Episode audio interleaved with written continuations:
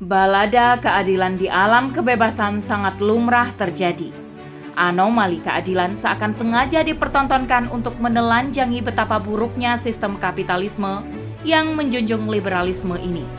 Asas manfaat menjadi ciri yang melekat kuat pada karakter sistem ini.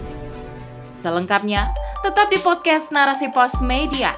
Narasi Pos, cerdas dalam literasi media, bijak menangkap peristiwa kunci. Bersama saya Dewi Nasya, inilah rubrik opini dengan judul Balada Keadilan di Alam Penuh Kebebasan oleh Afia Rasyad. Sejauh mata memandang, balada keadilan bak anomali yang tak berkesudahan. Ketajamannya begitu pincang. Keputusan perkara selalu bersandar pada kepentingan, terlebih pada tumpukan jumlah nominal dan kemewahan. Duhai, sungguh miris merasakan ketimpangan perlakuan tegas pada kalangan bawah, namun lunak pada para pemangku jabatan dan pemilik harta kekayaan. Kabarnya, baru-baru ini ada konvoi tujuh mobil mewah di tol Andara. Meski hanya tujuh, konvoi mobil mewah itu sempat melakukan sesi foto yang tak seharusnya dilakukan di tol. Bahkan, kemacetan sempat terjadi di tol tersebut. Namun tak sebagaimana mestinya, konvoi mobil mewah itu hanya mendapat teguran dari pihak polisi. Padahal ada aturan lalu lintas khusus di ruas jalan tol mana pun. Aturan itu tak hanya sebatas berbayar saat memilih lewat jalan tol, ada aturan kecepatan kendaraan, ada pula larangan berhenti sembarangan, dan sebagainya. Aturan dan larangan saat berkendara di jalan tol itu telah termaktub dalam peraturan pemerintah atau PP Republik Indonesia nomor 15 tahun 2005 tentang jalan tol. Tentu, aturan ini dibuat bukan untuk dilanggar. Sementara bagi pelanggar pengguna bahu jalan tol mendapatkan sanksi dengan membayar denda Rp500.000. Hal ini tertuang dalam pasal 287 Undang-Undang Nomor 22 Tahun 2009 yang berbunyi 1. Setiap orang yang mengemudikan kendaraan bermotor di jalan yang melanggar aturan perintah atau larangan yang dinyatakan dengan rambu lalu lintas sebagaimana yang dimaksud dalam pasal 106 ayat 4 huruf A atau marka jalan sebagaimana yang dimaksud dalam pasal 106 ayat 4 huruf B dipidana dengan pidana kurungan paling lama 2 bulan atau denda paling banyak Rp500.000. Wajarlah kehebohan terjadi saat masyarakat tahu konvoi mobil mewah itu bermuara pada teguran saja. Pasalnya, perlakuan itu seakan mengistimewakan konvoi tersebut. Sementara sanksi atas pelanggaran berkendara sudah jelas adanya. Namun, alasan para pengguna mobil mewah yang berkonvoi itu kooperatif dan langsung membubarkan diri terkesan sangat konyol. Bukankah selain mendapat edukasi, para pelanggar pengguna jalan juga mendapatkan sanksi? Balada keadilan kian menyeruak ke khalayak, seakan pemilik kekayaan dan harta mewah sangat kebal hukum.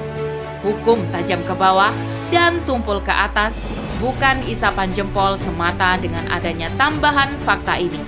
Betapa sangat memprihatinkan, pelanggaran yang dilakukan kalangan elit hanya berujung teguran. Balada keadilan di alam kebebasan sangat lumrah terjadi. Anomali keadilan seakan sengaja dipertontonkan untuk menelanjangi betapa buruknya sistem kapitalisme yang menjunjung liberalisme ini. Asas manfaat menjadi ciri yang melekat kuat pada karakter sistem ini di mana pemodal atau pengusaha bertebaran dalam mengangkangi kebijakan dan kekuasaan dalam sistem pemerintahan. Demikianlah atmosfer kebebasan dalam pemberlakuan keadilan. Pandang bulu menjadi ciri khas dalam tatanan berkeadilan yang diberlakukan. Apalagi manusia itu sendiri yang membuat aturan, tentu akan syarat dengan berbagai pandangan dan kepentingan. Sanksi bagi pelanggar akan menimpa siapa saja yang tak ada kepentingan dan bisa terbebas dari siapa pun juga berdasarkan kacamata kepentingan. Posisi keadilan kini hanya tampak layaknya seonggok slogan yang memilukan. Penegakannya tebang pilih sesuai haluan pemilik kebijakan.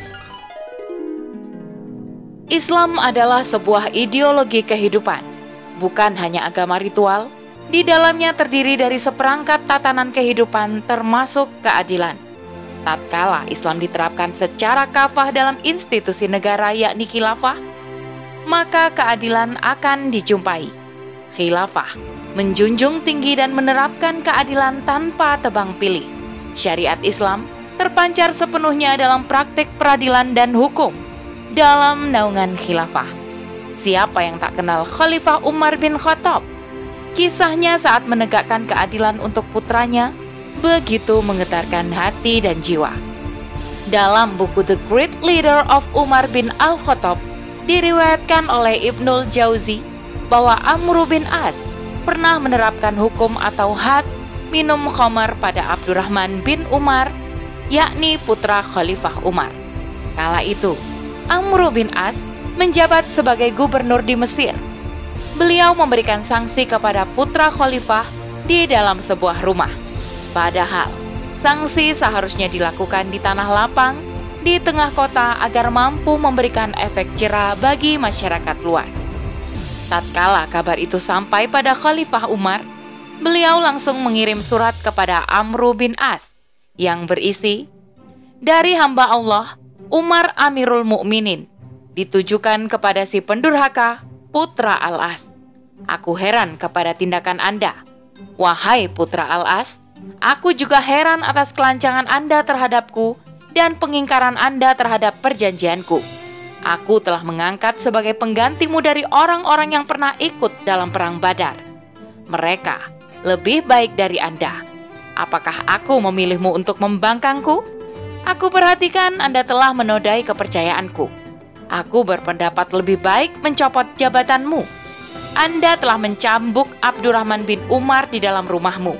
Sedangkan Anda sudah mengerti bahwa tindakan semacam ini menyalahi aturanku. Abdurrahman itu tidak lain adalah bagian dari rakyatmu. Anda harus memperlakukan dia sebagaimana Anda memperlakukan muslim lainnya. Akan tetapi, Anda katakan dia adalah putra Amirul Mukminin. Anda sendiri sudah tahu bahwa tidak ada perbedaan manusia di mataku dalam hal-hal yang berkaitan dengan hak yang harus bagi Allah. Bila Anda telah menerima suratku ini, maka suruhlah Abdurrahman mengenakan mantel yang lebar hingga dia tahu bahwa keburukan perbuatan yang telah dia lakukan. Usai menerima surat itu, Amru bin As memohon ampun pada Allah. Kemudian, membawa Abdurrahman bin Umar ke lapangan pusat kota.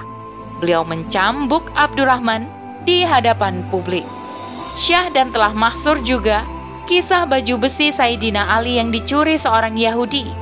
Tatkala kasus itu ada di pengadilan, seorang Yahudi itu memenangkannya karena Khalifah Ali tak punya cukup bukti. Maka, keadilan dalam khilafah dan kelapangan hati Khalifah membuat hati si Yahudi terketuk dan akhirnya memeluk Islam. Islam sangat menjunjung tinggi keadilan. Landasannya berasal dari Sang Pencipta dan Pemilik kehidupan. Peluang kecacatan dan kelalaian sangat kecil terjadi karena setiap khalifah akan menerapkan syariat Islam sepenuh hati. Keadilan ditegakkan tanpa pandang bulu.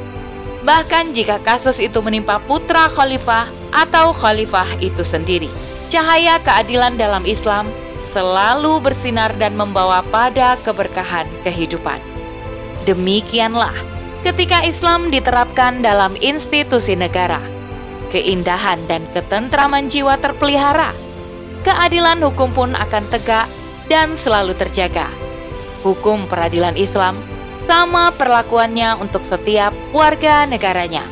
Wallahu a'lam bishawab. Demikian rubrik opini kali ini. Sampai bertemu di rubrik opini selanjutnya.